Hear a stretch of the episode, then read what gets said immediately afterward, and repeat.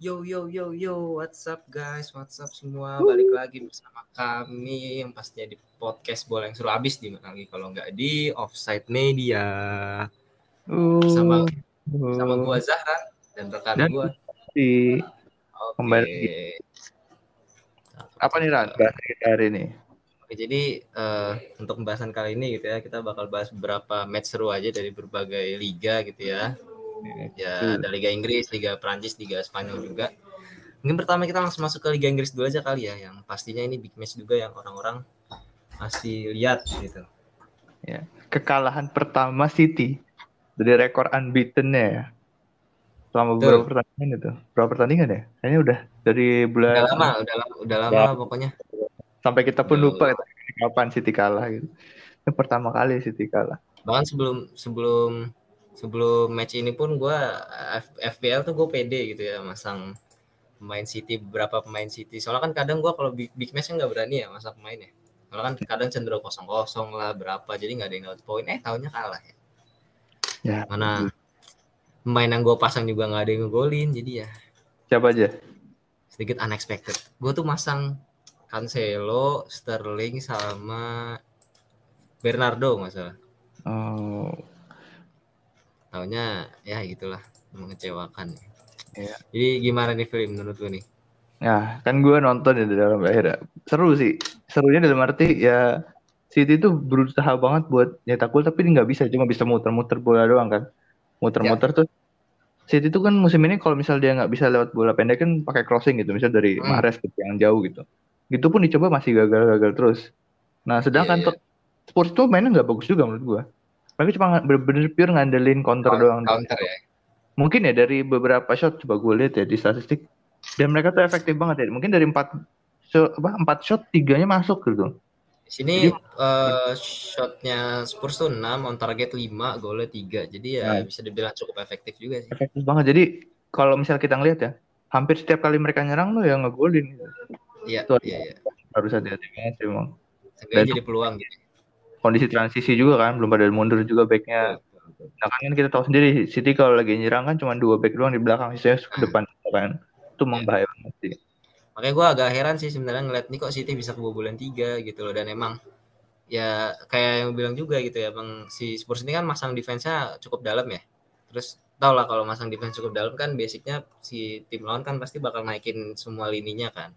Mm-mm. Itu bahaya banget apalagi yang lu bilang juga City bakal nyisain dua dua atau tiga pemain di belakang terus Spurs kan juga pemain depannya kita tahu Son secepat apa gitu ya dan Kane itu sepinter apa buat ngasih bola-bola yang yang dengan visionernya gitu loh long ball long ballnya gitu. dan berhasil gitu loh di beberapa gol ya golnya kayak gitu gol-gol yang long ball long ball counter gitu loh Iya, pakai space be, apa behind back gitu ya. Yap, yap. Dan cukup cukup apa ya jaraknya juga cukup jauh gitu antara kiper sama back juga. Jadinya gampang buat si pelari-pelari tadi gitu loh penyerang-penyerang Spurs ini buat ya tinggal coba lari aja. Betul. Walaupun sebenarnya menurut gua agak nggak apa unexpected juga. Soalnya Ken tuh sebelum-sebelumnya lagi kurang banget itu lagi mainnya. kurang kan? Di match ini dia on fire banget sih. Gila sih langsung nyetak dua gol dan ya udah akhirnya menang deh 3-2. dan emang kelihatan kalau ini pemain komplit sih ya maksud gua komplit ya ini, dia dia bukan sekedar striker tapi bisa juga jadi perancang sesuatu gitu loh visinya tuh Iya. bagus gitu Betul. Cuman nggak tahu kenapa ya. Mungkin emang dia lagi apa? Lagi sial aja gitu nggak bisa nyetak gol atau emang lagi motivasinya menurun. Gue juga kurang paham sih. emang emang Gola lagi nggak datang aja sih di musim ini dia nggak nggak nggak apa ya nggak sesuai sama seperti apa yang dilakukan musim lalu gitu loh. Musim lalu kan hampir bisa dibilang perfectly balance antara gol sama asisnya dia kan. Musim ini Gola nggak nggak nggak terlalu banyak. Cuman ya udah cukup membaik lah. Sebenarnya dari musim lalu udah kelihatan ya dia bukan yang kayak dua dua tahun dan ke belakang gitu yang benar-benar nyetak jadi Iya, top scorer iya, kayak Spurs gitu kan enggak gitu kan. Udah kebagi ke Son, ke Lucas Iya. Moura. udah kebagi. Bahkan duetnya si eh, duo Kane sama Son ini kan kalau nggak salah jadi yang paling banyak punya kontribusi nggak salah saking mereka emang chemistry dapat banget gitu loh dan perannya si Kane udah berubah jadi lebih ke yang apa penyaji buat si Son gitu jadi itu hasilnya ya cukup baik buat mereka berdua juga Nah, terus yang gue sorotin juga kan sebenarnya konten ini naik turun ya. performanya. Iya, iya, iya, iya. Terus itu mungkin bisa jadi juga karena dia nggak dapet pemain yang dia mau gitu. Dia kan awalnya pengen Luis Diaz ya salah satunya Hmm. nggak dapet dan akhirnya malah dapet Bentancur dan Kulusevski gitu. Ada apa juga ya kalau. Iya Adama juga sebenarnya dia mau gitu. main yang Nggak wing dapet. dan nggak dapet gitu. Padahal sebenarnya kalau itu dapat mungkin bisa ngeri banget Spurs karena pemainnya cepet semua itu. Setuju, Ada Son. setuju. Dan misalnya pun Son atau Lukas cedera ada gantinya yang cepet juga gitu. Iya, Kalau iya. sekarang gantinya siapa juga? Kulusevski itu lebih ke skill sih kalau menurut gue bukan lari. Hmm, hmm, bukan lari dia, dia lebih ke skill ya. Dia lebih ke gimana dia megang bola sama apa coba one on one gitu ya. Ya itu masih oke. Kalau Bergwijn tuh menurut gue dia lari bagus, cuman dribblingnya jelek gitu. Jadi kadang-kadang buat Iya, sering dia lepas gitu. kata gue cuma lari-lari-lari doang dia. Ya sama kayak Fred lah ya. Gue juga gak ngerti dah sama tuh orang. Padahal dia punya potensi loh, dia punya dead pace gitu, dia punya gitu. Tapi kenapa cuma sekedar lari doang? Lu gak bisa coba jadi yang lain yang lebih bermanfaat buat tim lu. Oh tapi gue tahu cara bikin Bergwijn tiba-tiba jago. Gimana gimana? Lu ejek aja sama kayak Leicester ntar jadinya. Oh iya, ntar tiba-tiba dua gol lima menit akhir ya. iya loh, gak pernah dia nyetak gol dan secepat itu marginnya. Itu bener-bener pure karena lagi ngamuk itu. Itu juga dia baru masuk itu pak. Iya dia kan langsung yang gara-gara uh, diajak sama Soyuncu kan.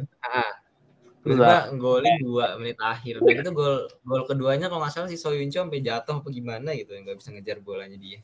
Iya dan itu detik-detik terakhir kan setelah itu langsung setelah itu selesai pertandingan. Selebrasi selesai pertandingan nggak ada lagi, nggak bisa nggak bisa ngapa-ngapain lagi udah Leicester. Berarti lain kali kalau lu mau Bergwijn main bagus ya udah ejek aja gitu. Coba dikata-katain dulu ya. Katain dulu. Jadi motivasi. Siapa tahu berhasil. Oh bener-bener. dah. Oke mungkin eh, coba balik lagi ke statistik ya. Gua Ya.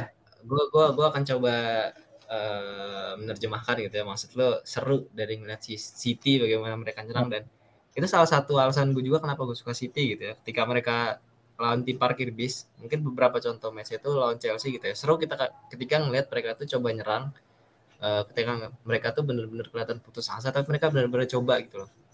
Yang Ya. ya abis-abisan gitu loh sampai mereka tuh bener-bener ngurung ya pertahanan lawan coba crossing coba ngasih bola-bola terupas tapi nggak dapet dan seru aja sih ngeliat City kayak gitu dengan Hmm. segala kreativitas mereka gitu yang akhirnya nggak nggak bisa berhasil kadang berhasil kadang juga nggak berhasil gitu loh Sebenarnya dari pertandingan ini udah mulai kelihatan gitu udah. Yang lawan Southampton juga agak kesusahan gitu nyetak gol. Terus yang lawan Brentford juga peluang tapi nggak bisa nyetak gol juga gitu. Cuma akhirnya 2-0 kan.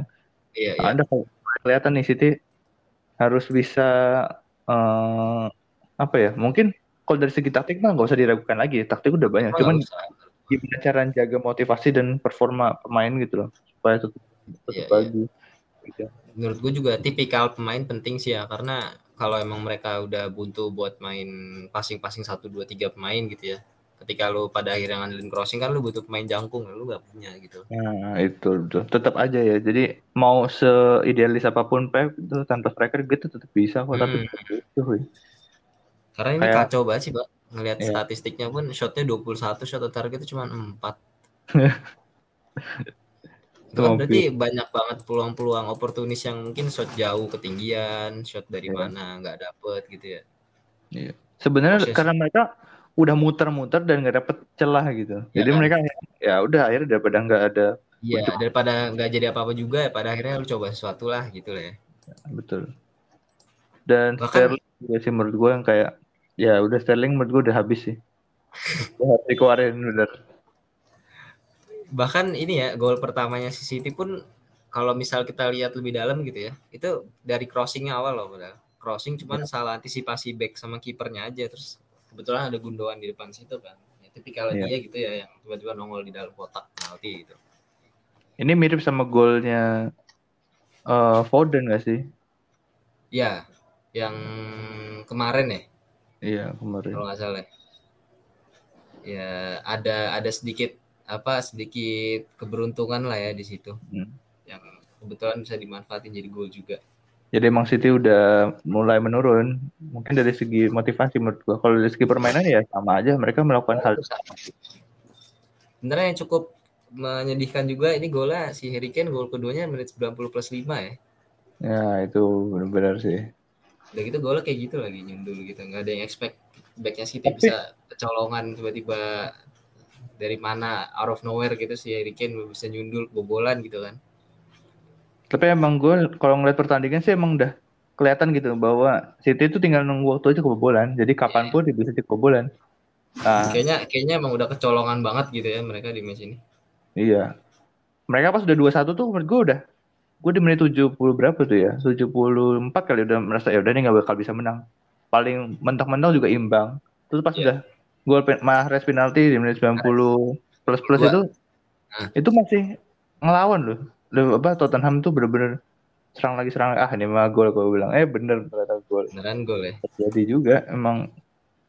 Mungkin kalau tuh tambahan waktu cuma tiga menit juga menang apa bisa imbang itu cuma karena lima menit bisa imbang itu. bisa imbang. Itu ini gue nggak tahu tambahan waktu berapa menit. Soalnya ada dua gol di injury time loh.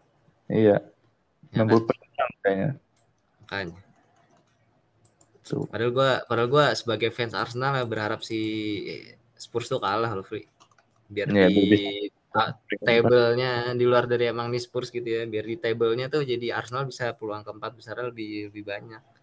Ya. Nggak apa-apa lah, biar bisa pakai semangat, biar nggak buang-buang poin. Jadi kan ya. kalau buang poin langsung kayak, aduh takut nih, takut disalip atau nggak bisa posisi empat gitu. Jadi dan apa ini ya ngelihat City kalah nih ternyata poinnya cuma beda tiga poin sama Liverpool loh. Iya, Gila, jadi nggak ya. Nggak sebagus itu juga gitu City. Yang sebelumnya apa yang sebelumnya dibilang apa bikin jarak gitu ya gap 13 poin ujungnya balik lagi ke tiga poin juga gitu. betul betul. Seru sih. Karena Liverpool benar-benar ngejar banget ya. Liverpool benar-benar ngejar sih. Mereka tuh emang fighting banget di luar dari mungkin beberapa kekurangan yang masih mereka punya gitu ya. Pokoknya tinggal ditunggu aja lah. Mungkin bisa jadi penentunya itu ya malah di match antara mereka berdua loh ntar. Hmm. City lawan Liverpool soalnya di match match kedua belum mereka belum ketemu ya. Match pertama kan udah kemarin dua-dua itu yang salah tuh solo gol gila itu gila-gilaan yeah. itu. Itu yang si... tadi dua satu kan dua satu tuh salahnya Tahul ya dua sama. Iya. Oke lanjut kira Kita lanjut kali ya. Ini masih masih Premier League kali ya ini kita. Ya mungkin di hari yang sama atau bisa dibanding match week yang sama. Oh, di hari yang sama ya. Kita yeah. bahas atau mungkin di hari sebelumnya dulu nih Liverpool ya. Kita bahas di kita ya, Liverpool lawan Norwich. Oh, iya, boleh. Uh, Luis Diaz nih. Ya. Orang keren Itu banget jadi... sih, Pak. Entah kenapa ya, gue gak ngerti juga ya pemain-pemain yang ada di Liverpool tuh tiba-tiba jago gitu. Main yang biasa aja sebenarnya kayak Ori gila. Iya iya iya iya, gue setuju gue setuju. Level level yang juga. tipikal atau bisa dibilang level pemain yang mereka beli itu bukan yang top yang emang udah jadi matang top gitu ya hmm. sih yang bisa dibilang little bit apa menengah lah ya kelasnya mungkin hanya yeah. bagus gitu. Ketika mereka masuk ke Liverpool itu bisa main bagus banget gitu. Kenapa gitu? Gue heran juga. Dan sejauh ini menurut gue Luis Diaz juga bisa jadi udah pakem loh main di sisi kiri. Betul malah gue atau keberuntungan untuk seorang Mane atau gimana. Kan waktu dia masuk ini kan Jota juga kondisinya lagi cedera kan sama si Firmino. Yeah. Jadi yang main di posisi striker tuh Mane. Jadi ya akhirnya Mane masuk di striker. Jadi Luis dia sama yang di kiri dan bisa dibilang berhasil juga karena Mane pun nggak seret gol juga pas main di striker gitu loh. Jadi trio ini ini saat ini Mane salah sama Diaz ya lagi cukup bagus makanya. Yeah. Makanya ini gue jadi klub pasti pusing sih mau masang siapa okay. lu punya lima pemain yang sama bagusnya gitu. Betul betul karena Klopp bisa nyulap ya Mane itu mungkin kalau di tangan pelatih lain ya nggak nggak bakal bisa transformasi jadi second striker jadi striker pasti bakal tetap jadi winger aja winger tetap winger winger kiri juga kan. Tiba-tiba nggak hmm. ada yang expect tiba-tiba ternyata dia yang gantiin jadi striker gitu loh. Striker hmm. murni striker tengah. Itu dia. Firmino aja nggak ada yang nyangka. Tadi tuh dulu kan Firmino cuman second striker sama IMF ya? Jadi, dia tuh lebih ke attacking midfielder kalau nggak salah dulu. Iya. Dia kurang banget Iya, dulu mainnya lebih di striker depan gitu. Keren sih. Ya, klub tuh gua salut lah dia bisa uh, kayak istilahnya kalau di dalam bisnis itu flipping ya, flipping players. Gitu. Jadi yeah, yeah. pemain belinya murah atau terjual mahal atau enggak jadi bagus sih gitu. Dan itu ya terbukti beberapa kali sih ya, man. Bahkan dengan lini tengah yang bisa dibilang gak, gak, gak bintang-bintang amat gitu ya. Tim ini juga masih cukup berbahaya gitu Betul. Ya kan. Even kayak Origi aja bisa bagus mainnya, gue juga gak ngerti. Ya, bukan kan. bagus sih, berkontribusi lah gitu at least. Iya iya iya. Paling ya ya itulah yang gue gue suka dan gue harapkan dari klub ke depannya gitu ya dengan Liverpool yang kita tahu pemiliknya pemiliknya juga kan bukan yang paling jor-joran kayak Chelsea gitu ya kan cukup yeah. terbatas juga mereka jadi dengan kemampuannya gitu ya untuk mencari pemain-pemain yang dengan harga yang mungkin masih ekonomikal gitu buat mereka gitu masih ekonomis buat mereka bisa jadi pemain bagus gitu yang benar-benar bermanfaat gitu. Betul. Ya udah berarti emang ya kalau sih menurut gue jangan dipecat sih ya karena kalau klub dipecat langsung nurun pasti. Iya iya susah sih emang jatuhnya udah emang udah cocok-cocokan aja Liverpool dengan klub sekarang juga udah cocok, City sama Spurs juga ya udah cocok juga gitu. Betul. Oke. Okay. Mungkin kalau mungkin kalau di swap gitu misalnya ya. uh, Pep ke Liverpool dan klub ke City bisa jadi nggak profit juga. Enggak, enggak, enggak. Karena tipikal pemainnya jelas beda sih ya. Ya. Dan ya. memang Pep tuh tipe yang butuh support uh, duit yang banyak gitu. Iya, iya Pep tuh tipikal pemain tipikal pelatih yang butuh sumber daya yang diinginkan banget gitu dia nggak bisa menggunakan sumber daya yang udah disediain tapi lu harus gue minta ini lu harus kasih gue ini kalau lu mau gue mencapai ini gitu loh ya kan? Betul betul. Dia harus kayak gitu. Bahkan dia sendiri ngomong gitu loh kalau misalnya dibilang best coach in the world. Apa sih gitu loh best coach in the world. Hmm. gue bahkan gak dikasih pemain kayak gini pun yang ada di City gue belum tentu bisa bawa City juara gitu. Iya. Jadi ya masing-masing punya karakternya punya kelebihan juga gitu loh. Dan yeah. sebenarnya gimana mereka memanfaatkan kelebihannya aja sih itu yang mendefinisikan mereka bisa menjadi Hebat, tidak, a ya. good a good coach a great coach gitu loh hmm. betul, betul. oke lanjut. lanjut ada apa lagi nih um, United gimana nih play United nih mungkin aduh gue sih malu sih banyak karena mainannya gitu-gitu aja ya singkat kali ya ini Leeds United nih juga nih, Man United, Leeds United gimana nih? Aduh, Leeds United sih, aduh, gue udah nggak ada harapan ya sama mereka benar-benar. Gue nggak ngerti. Mereka kan lagi banyak cedera juga dan emang squadnya nggak yeah. yang banyak pemain penggantinya gitu. Yeah, Jadi yang paling wah juga ya squad. Uh, dengan cara bermain seperti ini, cara bermainnya biasa ya nggak akan ke mana-mana karena mereka terlalu berani menurut gue dengan pemain yang anggaplah misal lu main FIFA gitu pemain lu rata-rata 60 overallnya terus lu suruh main pemain ya kalah lah pasti gitu iya iya iya dari segala yeah, segi salah satu gitu. salah satu ini ya kekurangannya atau mungkin hal yang gedek banget gue lihat dari Leeds tuh ya naif sih bener mm-hmm.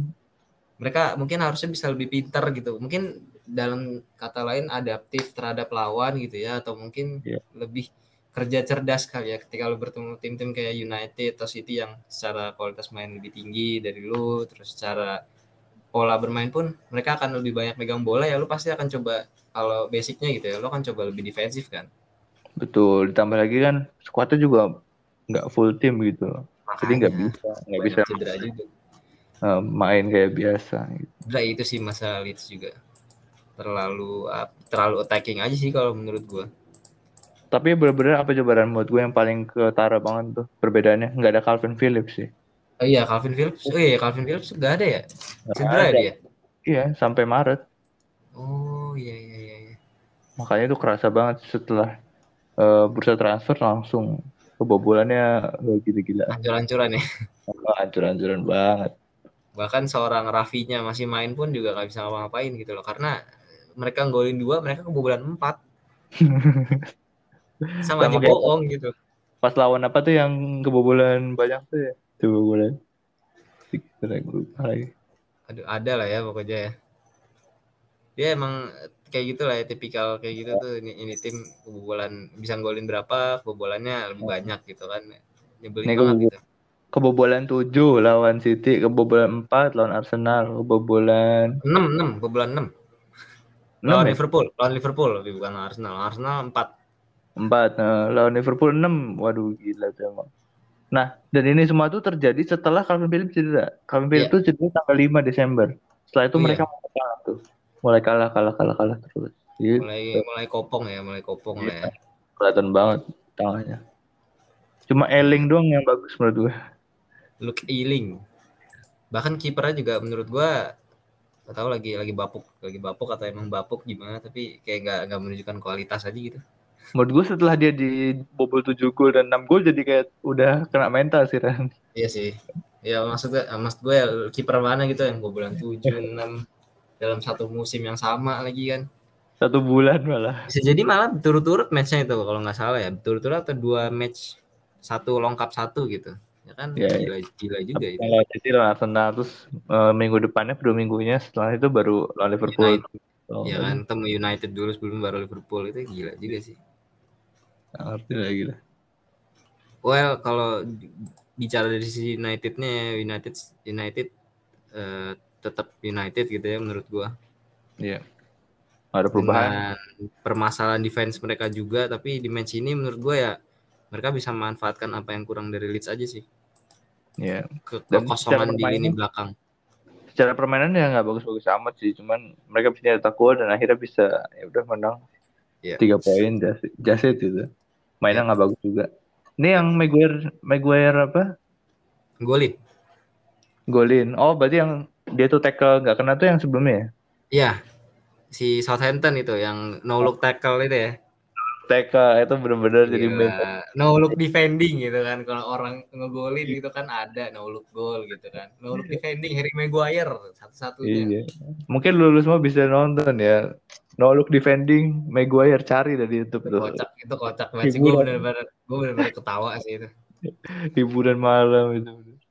No disrespect to bro Broja gitu ya atau Broha gitu ya. Cuman maksud gua yang dilawan tuh masih seorang Broha gitu loh. Lu belum kayak main-main mungkin salah kayak atau siapa gitu loh. Ngaco banget sih menurut gua. Dan gue masih heran juga kenapa dia jadi kapten gitu loh ya. Kapten dan masih dimainin, Pak. Masih dimainin. Pertanyaannya tuh dua sebenarnya. Karena hampir setiap match tuh gua nggak ngeliat ada positifnya sama sekali dari ini orang. Menurut Betul. bahkan negatif gitu loh. Negatifnya ya itu blunder lah, kadang tackle tackle nggak kena, nggak jelas, kadang kena body juga. Terlalu lambat dan lain sebagainya emang bala aja bukan Bahaya. bukan bukan apa ya kayak bukan cuma sekedar main mediocre gitu loh tapi emang nggak nggak jelas gitu lah udah bahaya Apa? buat tim sendiri gitu Iya iya iya.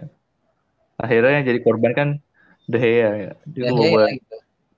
Kebobolan bahkan saking- banyak juga itu. saking apa saking jeleknya ini mungkin benefit of the doubt buat De Gea juga kali ya saking jeleknya back depan dia gitu ya nama dia yang bersinar loh di di tengah-tengah segala Iya. apa segala kebusukan lini, lini belakangnya ini. Sampai ada meme ya kan dia perjuanganku lebih berat karena melawan backku sendiri gitu. ya. makanya gitu loh musuhnya De Gea tuh bukan main lawan tapi depannya dia kapten dia sendiri tuh menurut gua Lindelof juga sama aja ada bedanya. Wan Bisaka juga, Luxo juga. Aduh. Mungkin ya lu emang. Wan Bisaka nih, Wan Bisaka kalau main di Liverpool atau main di Madrid gitu, pasti naik sih moralnya. Uh, motivasi kayak gitu. Makanya nih mainnya di MU jadi ke bawah aja. Heeh. tapi Yang Wan Bisaka tuh gimana ya gua nggak paham juga sih dia terlalu kaku sih menurut gua as a fullback gitu ya Nah betul. Cuman maju mundur doang. terlalu, terlalu defending dan ketika lu maju mundur juga terlalu textbook jadi maju ya sekedar kayak lurus gitu loh maju lurus lurus Iya. doang gitu mundur ya lurus lurus doang gitu nggak nggak yang kreatif gitu lah kan Hmm. sepak bola sekarang kan advance gitu ya lu harus harus bisa jadi something different gitu loh bahkan Kalau- ketika lu bermain di fullback bukan bukannya bukan cuma CAM lu doang gitu atau pemain sayap lu Betul, betul. Ya kayak Dani Alves lah. nah gitu loh back back Pas kayak gitu Atletico. Pas lawan Atletico dia jadi DMF, Pak. bukan jadi Iya kan? RB dia. iya kan kayak Cancelo-nya City gitu kan main kadang kadang main ke tengah gitu udah Jadi- udah serangan. udah benar-benar di mana-mana dia Itu yang dibilang modern fullback tuh ya kayak gitu. Modern iya fullback. modern fullback kayak gitu Kayak Arhan juga yang bisa bangun serangan gak cuma maju Iya. mundur doang. Dari crossing crossing doang gak. Tapi dia bisa kreatif ya. Iya Itu iya jadi intinya intinya sebenarnya di kreatifnya itu sih kata kreatifnya itu Betul. Oke, kalau gitu lanjut kan ke Valencia lawan Barcelona. oke kita lanjut ke kita apa berpindah ke liga lain ya Yoi. Kalau kita bahas satu match aja kali ya ini Barsha menarik banget sih ini gua ngelihat progresnya Ya, semakin ke sini semakin naik ya. Dari segi Iya, permainan kompak, makin pede gitu. Mau tuh dulu pas lawan Espanyol yang dua sama tuh masih kebanyakan Iya. umpan-umpan. Apa ya? Maksudnya umpan kasih itu passing-passing aman doang gitu. Nah, ini udah mulai berani-berani ke depan gitu. And bahkan bahkan sebenarnya lawan Napoli yang satu-satu pun ya murni Bagus. di ini aja sih apa finishingnya doang. finishing aja Ferran Torres tuh lagi bapuk banget ya makanya dia cuma bisa dapat gol dari penalti ya kan Tapi bagusnya Safi ya pemain kayak gitu nggak dibuang gitu, tetap Iya. dirangkul, tetap dirangkul, Kasih, iya, dikasih dikasih kesempatan ya kesempatan. Walaupun dia secara apa ya rating rating permainannya dari pertandingan ke pertandingan satu paling jelek di Barca. ya Karena kontribusi dikit banget, kontribusi dikit banget. yang yang sebenarnya jadi kunci tuh menurut gue lini tengahnya sih Iya, itu Barcelona bagus tuh second line. Jadi nyetak gol nggak nggak selalu dari main depan, second line juga bisa nyetak gol. Frankie ya Frankie kadang Gavi juga kadang malah Pedri gitu jadi hampir setiap match tuh sa- salah satu dari mereka tuh selalu bisa look up gitu si Betul. yang bersinar gitu loh Di pertandingan pertandingan ini emang Aubameyang sih kelihatan banget karena Iya. sebagai man of the match ya. Karena di pertandingan sebelumnya kan belum pernah dia nyetak gol yang lebih dari satu gitu. Di sini dia bisa nyetak gol lebih dari satu dan dapat kepercayaan diri itu. betul gue nggak tahu ya gue agak ngeri juga sih ini. Bukan ngeri ya gue sebagai fans Arsenal jadi agak sedih gimana gitu ya ngeliatnya. Karena Sayang Aubameyang bisa bisa tajam gitu loh di Barca. Sedangkan di Arsenal tuh dia lagi ampas-ampas banget pak. Beberapa musim bahkan gue bilang bukan bukan beberapa bulan lagi. Gaal out ya, ini lagi tajam-tajamnya nih. Iya. mungkin karena dikasih bola juga kali ya. Nah, itu dan juga motivasi. Kalau sama- Arteta tuh kan kayak misalnya ah nggak nggak perform nih gimana sih lu gimana sih? jadi kayak pressure gitu loh. Kalau di sini kan Iya, iya, iya. sama Safi tuh ya lu lihat aja contohnya Ferran lah paling gampang. Bener-bener Hmm. babak-babak itu tetap dikasih kesempatan buat menang penalti. Kalau gue sih ya nggak bakal iya iya iya iya. Dinaikin ya mentalnya. Iya itu jadi bagus tuh. Tapi mungkin bisa jadi pemain pelatih yang bagus dari segi eh, motivasiin pemain di ruang ganti itu bagus itu ke depannya. Dan juga dia bagus secara taktikal itu mungkin sebenarnya taktikal dia tuh nggak yang ribet kayak Pep gitu Ya. bisa kebaca tapi di- karena dia banyak taktiknya misalnya kayak lawan Atletico dia ngeliat nih lawan oh Atletico tuh ternyata back sayap itu jelek jadi udah kita serang, serang aja dari sayap terus sayap sayap, sayap sayap. ya Nah itu yang terjadi dan itu benar-benar Barcelona ya. Kalau gue liatin misalnya nih contoh lawan eh contoh Atletico nanti gue kasih contoh lain. Gitu. Mereka udah tahu lawannya lemah di situ. Mereka serangnya pakai cara itu terus terus terusan nggak bakal ganti caranya. Karena menurut mereka kalau emang udah tahu kelemahannya kita serang aja di situ. Kalau konsisten diserang situ terus bisa aja gol gitu. bisa bisa bisa karena ya peluang terbaik ya ketika emang lu tahu ada kelemahan sesuatu gitu kan kelemahan tim lawan lu ya lu manfaat dari situ Betul. Gitu. Nah terus yang pas eh, lawan Napoli juga gue pengen bahas nih lawan Napoli nih. Bagus juga tuh cara mainnya. Ya. Barcelona. Eh Frankie itu di, jadi advance ya. Jadi dia kan biasa jadi CMF atau DMF. Kemarin itu pas lawan Napoli jadi AMF dia. Dan ini yang kelihatan- ini yang 42 apa yang leg 1 Fli? yang 42 itu 42 ya? bener-bener Ya, oke banget ya Frankie di situ jadi man of the match menurut gue. ya, jadi man of the match ya. Itu golnya juga bagus banget sih. Golnya bagus juga itu. Orang kiper nggak bakal nyangka sih itu. Itu bolanya soalnya bola-bola yang tipikal lu nge-shoot tapi agak nyongkel bolanya, ngerti nggak? Oh iya betul betul. Nggak cuma placing ya, tapi placing Iya. sampai Itu kayak agak agak nyongkel gitu loh, tinggi tapi pas sampai ke gawangnya kayak pas di atas Nah. gitu. Jadi turun dikit. betul. betul. Ya, Frankie udah menurut gue kembali sih eh, Iya. ke setelan yang sebenarnya gitu. Hmm.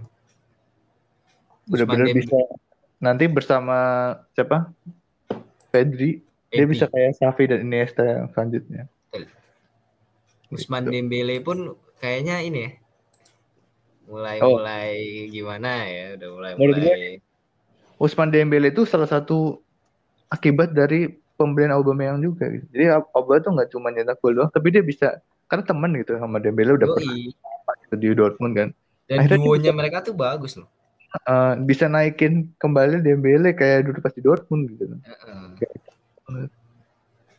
Jadi Dan yang menurut gue pembelian Aubameyang tuh udah tepat sih. Walaupun lu gue sempet agak skeptis ya karena kok kayak nggak cocok gitu mainnya Aubameyang kan. Iya kan? Iya kan? Iya, benar-benar setuju setuju.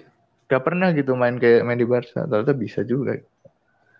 Sebenarnya dia tuh butuh ini aja sih, butuh apa? Server aja sih. Ya. Kasih dia bola enak pasti dia ini, pasti dia dihabisin itu. Ya Jangan kalau dia di lagi Arsenal kan dia yang bawa sendiri karena kan Iya. uh, counter dia kan biasanya. Hmm. Ya, asal target dia lagi asal dia lagi serius aja ya. Kalau lagi serius bisa bahaya banget ya. Betul, betul. Malah sekarang nih yang gue tunggu-tunggu nih ya, ini ada Memphis Depay juga kan udah sembuh ya kan. Ya, Dia mau main di mana gitu. jadi menurut gue ya, dia main tempatnya Ferran Torres sih. Ferran Torres nggak main. Ferran Torres nggak main ya? Iya, jadi nanti depannya Dembele, Auba, sama eh Memphis Adama, atau Adama. Dembele. Dembele sama Adama tuker-tukeran lah ganti-gantian. Iya, ada mah, ada mah. Karena Nah. Adama menurut gue bukan pemain yang bisa main 90 menit gitu. Iya, dia tuh selalu diganti ya. Iya, Karena karena juga sama agak heran gitu. Kadang kalau nggak kalau nggak dia diganti dia masuk gitu kan. Si sebenarnya dia juga- lebih efektif ya menurut gue kalau dimainin sebagai eh, pengganti gitu karena back-back lawan kalau di menit 70 80 itu kan udah capek ya. Sedangkan Iya. dia baru baru ngajak lari gitu. Jadi udah pasti kalah. Hmm, betul betul.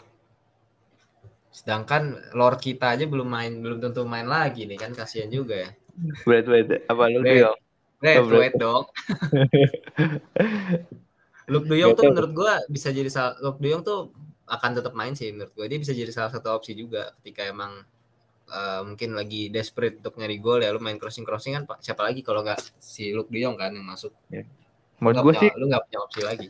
Eh, menurut gue sebenarnya Luke De Jong tuh aset juga ya karena dia murah juga hitungannya gitu untuk seorang striker. Harganya bisa dipakai kalau misalnya lagi buntu kondisinya Nah, mungkin kecuali itu. jadi datengin striker yang bagus kayak misalnya Halan gitu walaupun Iya, gue nggak iya. yakin gitu kan keuangannya apakah bisa gitu.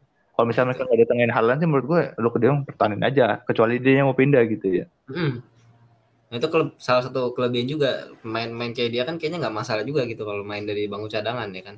Iya orang main di Barcelona aja udah seneng banget menurut gue Iya makanya. Jadi ya lu bisa manfaatin aja dari situ gitu. duit ini Belandanya udah masih tetap banyak ya masih ada Des kemudian Ada. ada Frankie De Jong Frankie De Jong, Luke De Jong, Memphis Depay ada empat orang. Davis. Ya pokoknya gue tunggu lah ini Barca gimana ke depannya di Europa League karena bisa apa ya udah udah cukup besar juga sih chance peluang untuk juara iya, peluang mereka untuk juara menurut gue betul karena mereka baru round match pertama ini aja udah langsung susah ketemu Napoli dan mereka berhasil lewatin ya kan. Iya. Dan kemarin seingat gue ada berita tuh. Jadi kan Spartak Moskow di ban. Jadi auto kalah gara-gara Rusianya di ban gitu. Iya, iya. Kemarin tuh yang auto lolos tuh si siapa ya? Leip Leipzig nggak salah. Oh Leipzig ya.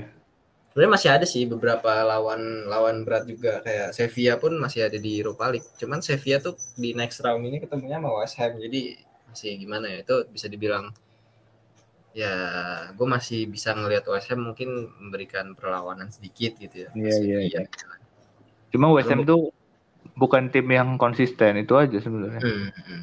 Kendalanya. gue balik lagi sih kalau misalnya ngelihat kayak misalkan West Ham atau siapa, siapa pun nanti pada akhirnya gitu misalkan itu bukan West Ham pun misalkan Wolves atau apa ya salah satu aspek terbesar gue ngelihat kenapa gue masih bilang 50-50 ya karena pertama mereka klub Liga Inggris aja sih itu aja gue nggak Iya. tau gue ngeliat klub Liga Inggris tuh beda gitu ya bahkan klub-klub yang kayak bawah-bawah pun peringkat 13-14 pun masih bisa memberikan perlawanan ke klub atas gitu cuman bedanya ya kadang di mereka nggak bisa manfaatin peluang itu aja sih mentalitinya itu untuk fighting spiritnya udah udah terbiasa dan intensitas mainnya kan kalau lu contoh lawan Chelsea terus 90 menit tuh disuruh lari kan dan disuruh konsentrasi karena Hmm. kalau lu salah dikit ya udah bisa gol lawan Liverpool lawan kayak gitu gitulah tim-tim Spurs ya, kayak misalnya lu kecolongan dikit udah kebobolan dua langsung gitu. Makanya. Jadi mereka udah terbiasa untuk disiplin lah. Kecuali Hmm. Leeds ya gue nggak tahu Leeds emang udah nggak jelas. Itu emang butuh perubahan banget sih Leeds tuh Oke. Oke, nanti kita lanjutin lagi Barcelona di minggu depan seperti apa. Yuk. kita beralih ke Liga Prancis. Ya, ini mungkin pembahasan terakhir juga kali ya ini yang cukup Ya. menarik juga dan mungkin orang pengen denger kali ya. Ya, menurut gue ini sebuah lawak of the day ya. Gue kalau untung gue nggak nonton gitu. Kalau gue nonton pasti gue udah merasa rugi ya membuang waktu gue selama 90 menit nonton ini gitu. PSG nih PSG. PSG lawan Nantes ya. Nantes menang 3-1 dari PSG. Gimana Ini- ya, secara permainan gimana Ren, menurut lo? Ini jujur aja seru sih tapi matchnya. Ya, seru. Matchnya seru karena lu kalau lu lihat dulu kita kita bahas dari highlight dulu aja deh. Misalkan lihat highlightnya, ini highlightnya dari peluang yang dapetin nons itu banyak banget pak. Ya, banyak ba- banyak banget sih enggak gitu ya. Cuman maksud gua banyak dan mereka dapetin tuh sebelum half time gitu loh. Itu kan apa? Ada apa dengan PSG kan masih pertanyaan kan itu. Mm-mm. Sebelum half time bahkan udah tiga gitu kan, tiga kosong gitu kan. Emang ya cara counter mereka cukup efektif sih. Emang backnya juga lagi kecolongan juga, backnya si PSG ini sampai ya mereka bisa dapat gol-golnya bisa dibilang gol-gol bagus juga ya kan. Iya tendangan. Yang paling gol kedua menurut gua bagus banget tuh. Iya, golnya yang ke atas itu arah atas itu kiper juga gua rasa nggak ada yang bisa nepis juga gitu. Dan itu back kiri ya. Jadi pas mereka counter back kiri ya tiba-tiba bisa ke kanan gitu. Dan Ya dia kan? nyentak ngeri Hmm. banget. Dan kalau kita bahas dari sisi PSG-nya gitu ya, Ya. ampas sih. Ya Mereka tuh Mereka tuh banyak banget peluang ya. Iya iya. Dan itu gawang. Ya, bener-bener Messi, Mbappe dan Neymar sama. Iya, benar-benar tiga orang itu murni menurut gue dari tiga orang itu dan emang jeleknya ya dari tiga orang itu karena mereka nggak bisa manfaatin peluang mereka sih. Iya, betul. Dan itu Iya. peluangnya kayak misalnya lu depan gawang ya, by one sama kiper dan lu tendangnya bener-bener ke badan kiper gitu. Gue masih Iya. nggak gitu loh. Kenapa itu bisa terjadi? Iya, apalagi di sini kita ngomongin Neymar gitu ya, Messi gitu kan, Mbappe gitu ya, bukan Braithwaite. top gitu loh, main top ini. Dan itu nggak nggak nggak cuma terjadi sekali sih kalau kita ngebahas ngeliat peluangnya gitu ya. Neymar tuh ada dua atau tiga bahkan dua kalau misal gue bahas dua salah satunya itu penalti sama kalau nggak salah dia depan gawang ke arah kiper penalti juga itu penalti kalau masuk bagus banget kalau enggak ya malu-maluin banget gitu Iya, penalti penalti tipikal penalti Neymar tau lah ya gimana gitu Iya. betul. Makanya penalti Neymar tuh sangat berisiko sih dia. Sama kayak Bruno lah. Cuma kalau Bruno at least kadang-kadang dia suka lari juga ya, kadang-kadang suka Hmm, kadang kalau lagi urgent dia serius dia. Uh, kencang dia nendang Heeh. Messi pun sama gitu. Kita nggak cuma bahas Neymar Messi pun menurut gua Messi. Di PSG malah bagus sekarang jadi playmaker sih. Emang bener-bener kayak pemain yang murni seorang attacking midfielder bukan striker atau winger yang emang sekedar lagi mundur-mundur untuk bantu bangun tapi emang udah jiwanya tuh bener-bener udah attacking midfielder banget gitu. Lebih ke assist daripada golnya. Cuman jadinya menurut gua kalau Messi ya mau dijadiin AMF gitu. Ya jangan ditaruh di winger gitu, jangan jadi trio di depan. Messi itu ditaruh di tempat Wijnaldum aja gitu. Jadi agak nanti tengah mereka- gitu ya Iya, main pakai satu klasik number 10 nah, klasik number 10-nya Messi. Jadi tiganya tuh bisa Mbappe di kiri, Neymar di tengah jadi false nine atau mungkin maju di kanannya di Maria gitu supaya Maria, lari ya. ke kiri. Betul, Wah. Karena kan back kanannya PSG selain Hakimi kan nggak ada yang bagus gitu ya. Hmm. Dan iya, iya. selalu main juga gitu, nggak selalu main. Jadi emang mending ya udah mainin di Maria aja dari kiri. Toh dia juga masih bagus sampai sekarang kan. Betul. Nah terus kalau gue bahas juga dari sisi Nancy yang yang agak gue sebenarnya udah pernah bahas di kemarin gitu di Piala Afrika itu ada Moses Hmm. Simon itu pemain bagus banget sih main Iya. Nigeria main Nigeria dan dia bagus banget menurut gue cocok buat dibeli di Chelsea Liverpool Atletico gitu gitu dah main yang tim-tim yang mainnya cepet transisi gitu itu cocok banget sih karena dia visinya bagus gocekannya oke dribbling speednya juga bagus beli aja Iya iya iya betul betul betul. Main Nigeria ya kemarin Iya. sempat kalau nggak salah sempat kita sedikit ngomongin juga gitu ya waktu Iya. bahas. Dia sempat bikin satu jadi satu match jadi eh, man of the match ya kalau nggak salah waktu itu. Mm-mm. Betul betul betul. Oke banget. Nih gue ngeliat tipikal-tipikal pemainnya nih pemain-pemain yang mungkin bisa main ke Liga Inggris ke Aston Villa kali ya. Nah ya bisa tuh buat batu loncatan pertama dulu tuh Aston Iya Villa. kan. Benar, baru baru naik dah lu ke ke klub-klub yang lebih tinggi gitu. Iya. Kalau Liverpool sih gue pengen banget dia masuk di Liverpool sih. Dia kayak Mane kedua gitu. Ya Liverpool bisa aja sih sebenarnya. Mungkin ini buat regenerasinya Mane menurut gue ya. Karena Yap. tipikal mainnya ya lumayan mirip walaupun karakternya beda ya. Dari segi dribblingnya beda. Cuman eh, ini kayak mengingatkan kita kepada Mane yang zaman dulu gitu loh. Mm. Gitu sih. Dan eh, mungkin balik ke PSG ya. Kalau kita ngomongin tim ini gitu ya, tim ini tuh bisa create peluang. Walaupun sebenarnya kadang bukan dari cara main mereka yang bagus gitu ya, tapi lebih ke eh, individunya lebih menonjol lah. Maksudnya Iya. menonjol tuh ya lu kasih lu kasih long ball ke Mbappe, dia akan lari ngejar tuh bola gitu. Walaupun ada pemain musuh defensif yang atau defender musuh yang lagi lari juga dia pasti menang gitu loh defender mereka dan bisa bisa bisa dapetin peluang dari situ gitu. Cuman itu Ini- finishingnya itu loh. Emang ini tim tuh menurut gue udah bener kayak tim Amerika Latin banget gitu. atau enggak tim Portugal jadi nggak ada pola nggak ada sistem yang jelas cuman main mengandalkan skill aja pure jadi kayak lu main di uh, mungkin lu pas SD atau SMP main gitu. Ya dia pemain yang strike di striker yang gocekannya jago gitu kan. Tapi nggak ada pola aja gitu main yeah. nah itu yeah, yang iya, terjadi. Yeah. di PSG jadi dia ngumpulin pemain yang skillnya jago-jago tapi nggak nggak ada plan. Kayak misalnya City kan emang lu beli pemain lu berdasarkan sistemnya gitu. Yang kurang hmm. apa? Kurang playmaker ya lu beli playmaker. Sedangkan PSG kan enggak pemain yang bintang yang main bintang aja lah ya. Main bintang aja lah. Semua mau dibayarin gitu mau di jadi nggak gitu. ini benar-benar cuman apa ya kayak tukang tambal ban aja gitu dia tumpang ya. tindih aja. Misalnya nih misalnya uh, Icardi coba gagal ganti. Siapa ganti, lagi? ya. ganti lagi? Jadi ya efektif pembeliannya. Sangat tidak efektif. Ya inilah yang patut kita tunggu lah ya dari PSG gimana ke depannya mereka kalau emang sampai tinggal Mbappe gitu ya. Karena kelihatan banget sih gimana mereka rely on Mbappe. Rely di sini maksudnya ya pemain paling berbahaya sih menurut gua, pemain yang bisa memberikan presence of danger secara berkala dan bukan cuma sekedar presence of danger aja tapi memang peluang juga gitu loh. Ya, gol juga gitu. Gol juga gitu loh, gak ada lagi. Tapi ngegolinnya tuh susah banget gitu. Hmm. Bahkan butuh Marquinhos di beberapa pertandingan untuk nyetak gol gitu. Maju gitu ya, nyetak gol gitu ya. Ya ya ya ya menurut gue kalau udah Marquinhos jadi man of the match bersama beberapa pertandingan itu sebuah indikasi juga bahwa emang tim ini uh, nggak banget itu lini depannya. Ya. Sebenarnya ini salah satu uh, advantage atau keuntungan buat tim-tim lawan mungkin ketemu PSG juga kali ya, karena mereka tuh ketemu lawan yang punya tiga pemain depan yang sangat attacking gitu kan. Udah gitu yeah. mereka punya label bintang yang mungkin punya kecenderungan untuk kadang tuh nggak mau bantu defense atau yeah. ya, dan semacamnya itulah. Jadi banyak space yang akan ditinggalin yang sebenarnya bisa dimanfaatin gitu. Betul betul. Apalagi Apalagi kan tipikal fullback mereka juga kan Hakimi gitu kan yang maju terus itu. Hmm. Sebenarnya bisa sih kalau mau karena ya gini aja kayak City lah. Lu nggak bisa mundur banyak. Ya udah lu press dari awal dari depan. Jadi misalnya Messi kehilangan bola, semuanya harusnya langsung ngepres. Misalnya yeah. di pertandingan ini kan Messi di sebelah kanan ya right wing. Mm -hmm.